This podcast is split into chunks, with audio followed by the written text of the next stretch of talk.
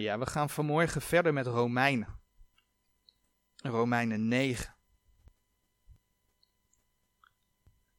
de laatste keer dat we bij Romeinen hebben stilgestaan, hebben we gekeken naar de versen 10 tot en met 16. En die versen gingen eigenlijk over uitverkiezing. Heel kort hebben we toen onder andere herhaald waar we over gesproken hebben toen we ook bij het onderwerp uitverkiezing zelf hebben stilgestaan. En we hebben ook gezien hoe, ja, hoe men normaal gesproken eigenlijk omgaat met die versen in Romeinen 9, hoe men vanuit een Calvinistische bril naar die versen kijkt. Terwijl die versen eigenlijk helemaal geen Calvinistische uitverkiezing leren. We zagen dat de Calvinistische uitverkiezing dat dat, dat, dat niet bijbels is. Terwijl de Bijbel, terwijl Gods woord wel over uitverkiezing spreekt. Maar er wordt ons wat verteld wat uitverkiezing hoort te zijn. Terwijl er nergens in de Bijbel staat dat God met uh, zijn soevereiniteit bepaald heeft dat een bewuste persoon naar de hemel gaat en dat een andere bewuste persoon naar de hel gaat. Dat staat er niet. Wat er wel staat is dat God voorwaarden geeft, voorwaarden geeft waarop mensen behouden kunnen worden. Dat mensen in Christus behouden zijn. Efeze 1 vers 4 hebben we genoemd onder andere. En dat is wat de Heer voor de grondlegging van de, van, uh, van de wereld, van de schepping bepaald heeft. Hij heeft zijn voorwaarden, hij heeft zijn condities gegeven. En we hebben opnieuw gezien dat de Heer handelt vanuit voorkennis. En de teksten die we daarbij bekeken hebben, die staat hier ook op de dia weer. Dat is 1 Petrus 1 vers 2. De uitverkorene naar de voorkennis van God de Vader in de heiligmaking des geestes, tot gehoorzaamheid en besprenging des bloeds van Jezus Christus, genade en vrede zij u vermenigvuldigd. De uitverkorene naar de voorkennis van God de Vader. Dus ja, de Heere God heeft sommige dingen laten vastleggen in zijn woord, omdat hij wist hoe de geschiedenis zou gaan lopen. Omdat hij wist hoe ieder mens persoonlijk zou gaan kiezen. En als we dan spreken over de gemeentetijd, hij wist of mensen voor of tegen de Heer Jezus zouden kiezen. Maar ieder mens heeft wel degelijk een vrije wil om een keuze te maken. En hoe zou de Heer anders kunnen zeggen, wat er in 1 Timotheus 2 vers 4 geschreven staat, welke wil dat alle mensen zalig worden en tot kennis der waarheid komen. Dat is Gods wil. Nou, in de voorbeelden van Romeinen 9 vers 10 tot en met 16 zagen we zelfs dat die voorbeelden niet eens over behoud gingen maar wel over bijvoorbeeld de verkiezing van het zaad, het zaad Jezus Christus. En ook daarin zagen we dat de Heere verkiest op basis van zijn voorkennis en op basis van zijn voorwaarden. Maar iedere keer zien we dat mensen wel een keuze hebben. En vandaag willen we dan eigenlijk maar bij twee versen stilstaan. Dat is het vervolg van, uh, van de vorige keer. En dat zijn de versen 17 en 18 de versen 17 en 18 van Romeinen 9. Want de schrift zegt tot Farao, tot ditzelfde heb ik u verwekt, opdat ik in u mijn kracht bewijzen zou, en opdat mijn naam verkondigd worden op de ganse aarde. Zo ontfermt hij zich dan diens hij wil, en verhardt dien hij wil. Nou, dit zijn natuurlijk versen bij uitstek om weer te zeggen van, ja, heeft Calvijn dan toch niet gelijk? Uiteindelijk staat hier toch geschreven dat de Heere Farao met maar één doel verwekt heeft. Opdat ik u in mijn kracht bewijzen zou. Opdat ik u ja, in mijn kracht bewijzen zou. En opdat mijn naam verkondigd worden op de ganse aarde. Dat was vers 17. Nou, we kennen de geschiedenis van de uittocht uit Egypte. Het volk Israël dat onderdrukt, onderdrukt werd door de Egyptenaars. Hun geroep dat opkwam tot God, dat staat in Exodus 2 beschreven. De Heere God die Mozes riep om terug te keren naar Egypte en om zijn volk uit Egypte te leiden. Exodus 3. De farao die het volk niet wilde laten gaan, ook niet toen er plagen kwamen. Exodus 7 tot en met 10. En pas bij de tiende plaag, pas bij de tiende plaag toen de eerstgeborenen in Egypte stierven, toen liet de farao het volk gaan. En dan zitten we al in Exodus 12. Maar ook dat was van korte duur. Want al gauw trokken ze het volk achteraan, want ze wilden het weer terughalen.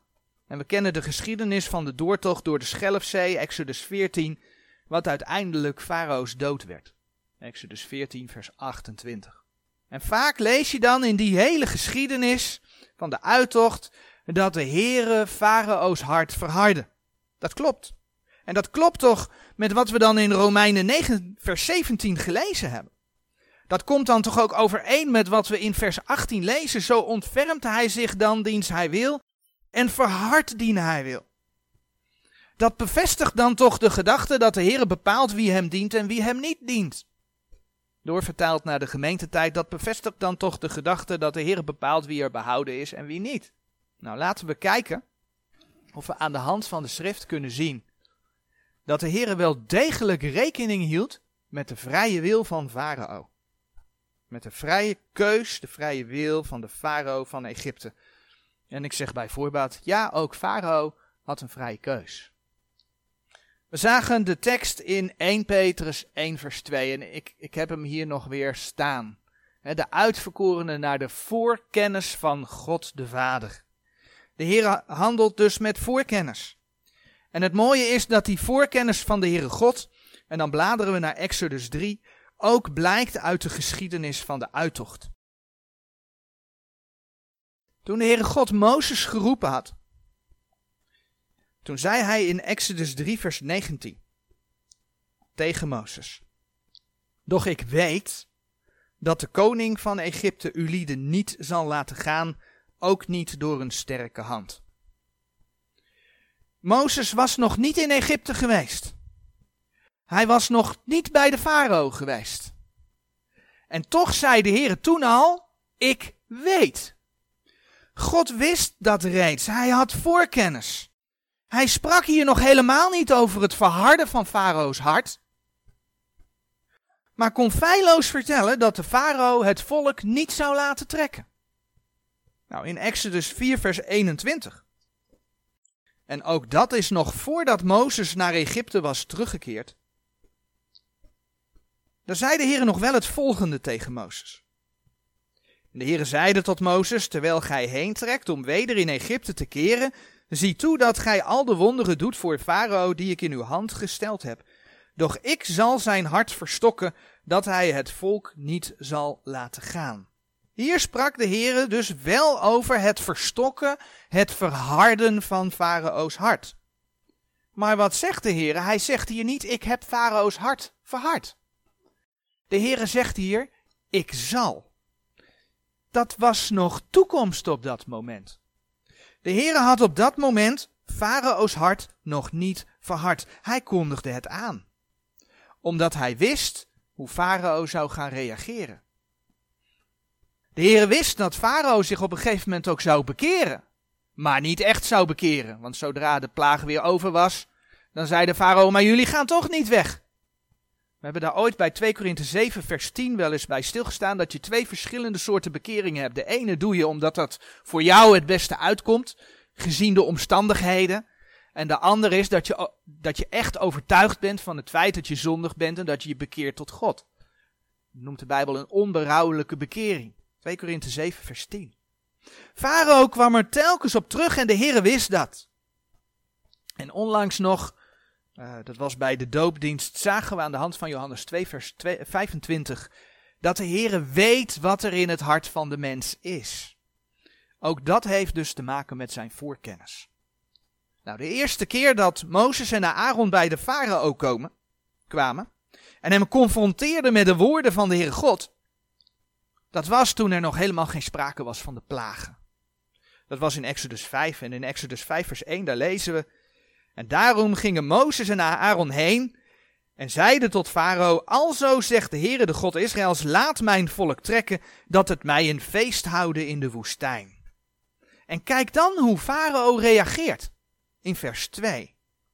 Maar Farao zeide, wie is de Heere, wiens stem ik gehoorzamen zou, om Israël te laten trekken? Ik ken de Heere niet, en zal ook Israël niet laten trekken. Dat is toch duidelijk wat Farao daar uitspreekt? Wie is de Heere?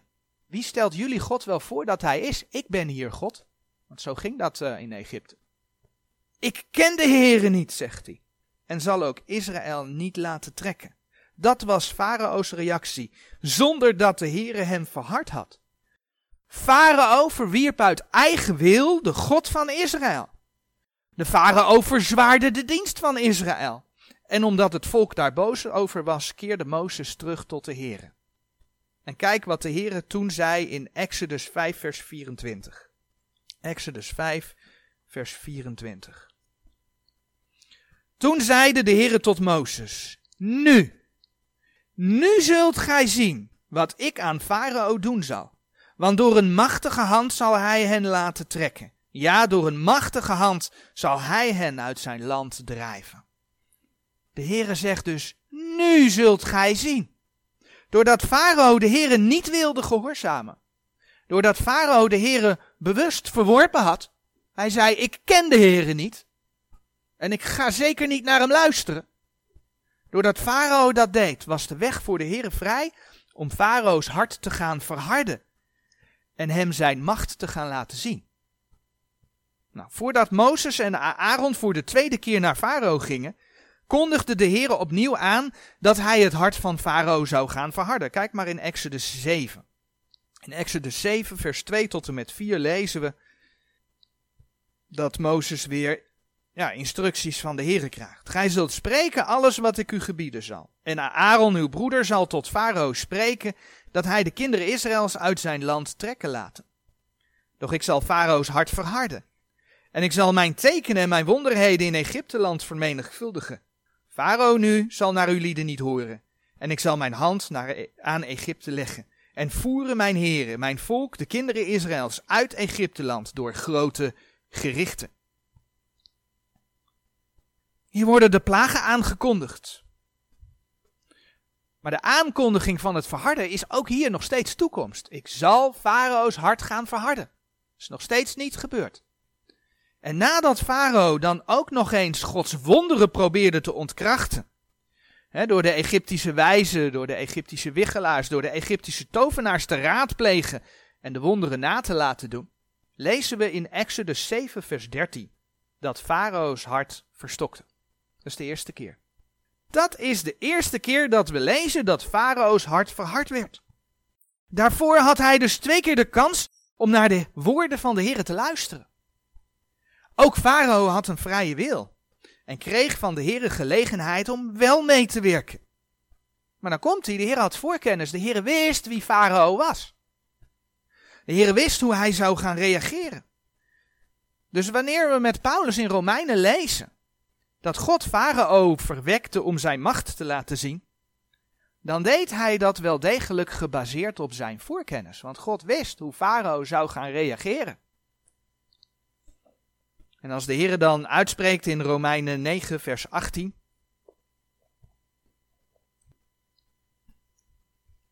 Zo ontfermt hij zich dan diens hij wil en verhardt dien hij wil. Gaat dat niet buiten een wilsbeslissing van de mens om? De Heere verhardt die hem verwerpt. En de Heere ontfermt zich over degene die hem aanneemt. Mooi toch? Ook in de eindtijd verhardt de Heere de harten van mensen. In 2 Thessalonicense 2 vers 9 tot en met 12 wordt over de komst van de antichrist geschreven. De komst van de antichrist en zijn rijk. En de Heere zegt daarover in 2 Thessalonicense 2 vers 9 tot en met 12. Hem zeg ik, wiens toekomst is naar de werking des Satans in alle kracht en tekenen en wonderen der leugen het gaat dus over de antichrist. En in alle verleiding der onrechtvaardigheid in degenen die verloren gaan, daarvoor dat zij de liefde der waarheid niet aangenomen hebben om zalig te worden. En daarom zal God hun zenden een kracht der dwaling, dat zij de leugen zouden geloven. Opdat zij alle veroordeeld worden die de waarheid niet geloofd hebben, maar een welbehagen hebben gehad in de ongerechtigheid. God verhardt de harten van mensen door hen een kracht der dwaling te sturen, dat zij de leugen zouden geloven, door, door hen dat te zenden, opdat zij alle veroordeeld worden. Maar hij doet dat dus niet zomaar. Dat lees je in die verse. Hij doet dat bij mensen die de liefde der waarheid niet aangenomen hebben. Hij doet dat bij mensen die daardoor een welbehagen hebben gehad in de ongerechtigheid. Met andere woorden, Ja, de Heer wil dat alle mensen tot de waarheid komen. Dat alle mensen zalig worden en tot kennis der waarheid komen. 1 Timotheus 2, vers 4. Daarom is de Heer Jezus voor de zonde van de mensen gestorven en opgestaan. Daarom is de Heilige Geest naar de aarde gekomen. Daarom heeft de Heer ons zijn woord gegeven. Maar als mensen hem afwijzen, dan zijn zij veroordeeld. En dat begint met het feit dat de Heer hen dan een kracht der dwaling stuurt. Opdat zij de leugen geloven. En dat is in onze samenleving meer dan zichtbaar. Ja, mensen hebben Gods woord ingeruild. Ingewisseld voor van alles en nog wat. Maar ik hoop dat aan de hand van deze verse gewoon heel duidelijk wordt. Dat de Heer niet om de wil van de mens heen gaat.